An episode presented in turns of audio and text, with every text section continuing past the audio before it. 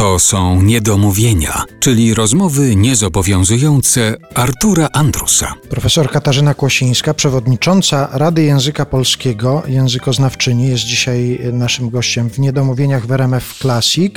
Już wywołaliśmy hasło Rada Języka Polskiego i właśnie jak zdarza się, że spotykasz się z kimś i ktoś dowiaduje się, że jesteś przewodniczącą Rady Języka Polskiego, czy to nie onieśmiela trochę? Znaczy nie zauważyłaś, że ludzie się boją coś powiedzieć w twojej to obecności? Jeszcze, tak, to jeszcze zanim byłam przewodniczącą, czasami językoznawcy są tak traktowani jako jacyś opresorzy i przyznam, że bardzo tego nie lubię.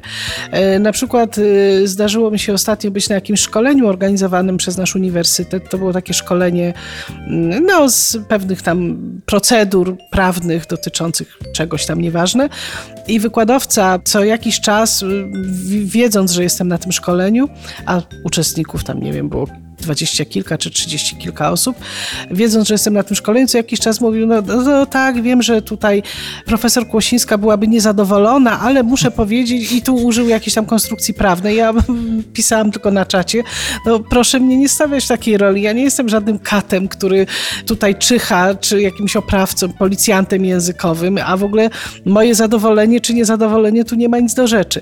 Przyznam, że bardzo tego nie lubię, to znaczy po pierwsze dlatego, że kiedy z kimś zaczynam zaczynam rozmowę, czy w ogóle rozmawiam, chcę widzieć w tej osobie człowieka, rozmówcę, a nie jakiegoś potencjalnego przestępcę językowego.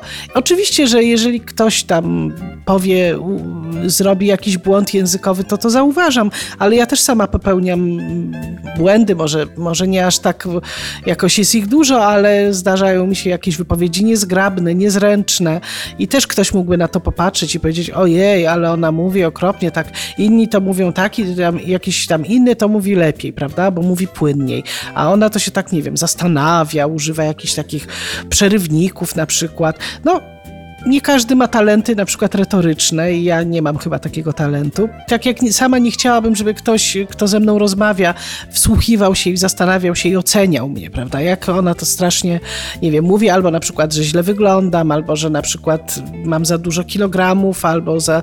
No, no nie chcemy być tak oceniani. Ja też nie oceniam.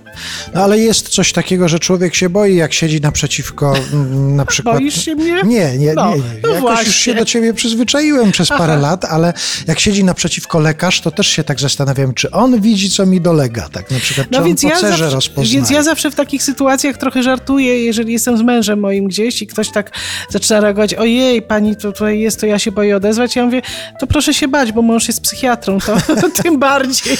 Chodzimy ze stawem po mieście.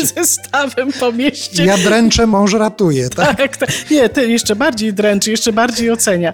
Nie, no to nie, nie, nie, nie działa w ten sposób sposób. To znaczy, ja rzeczywiście nie, nie oceniam, a przede wszystkim, kiedy się z kimś spotykam, to po to, żeby z nimi rozmawiać, a nie po to, żeby wytykać mu błędy, nawet w myśli sobie, żeby wytykać.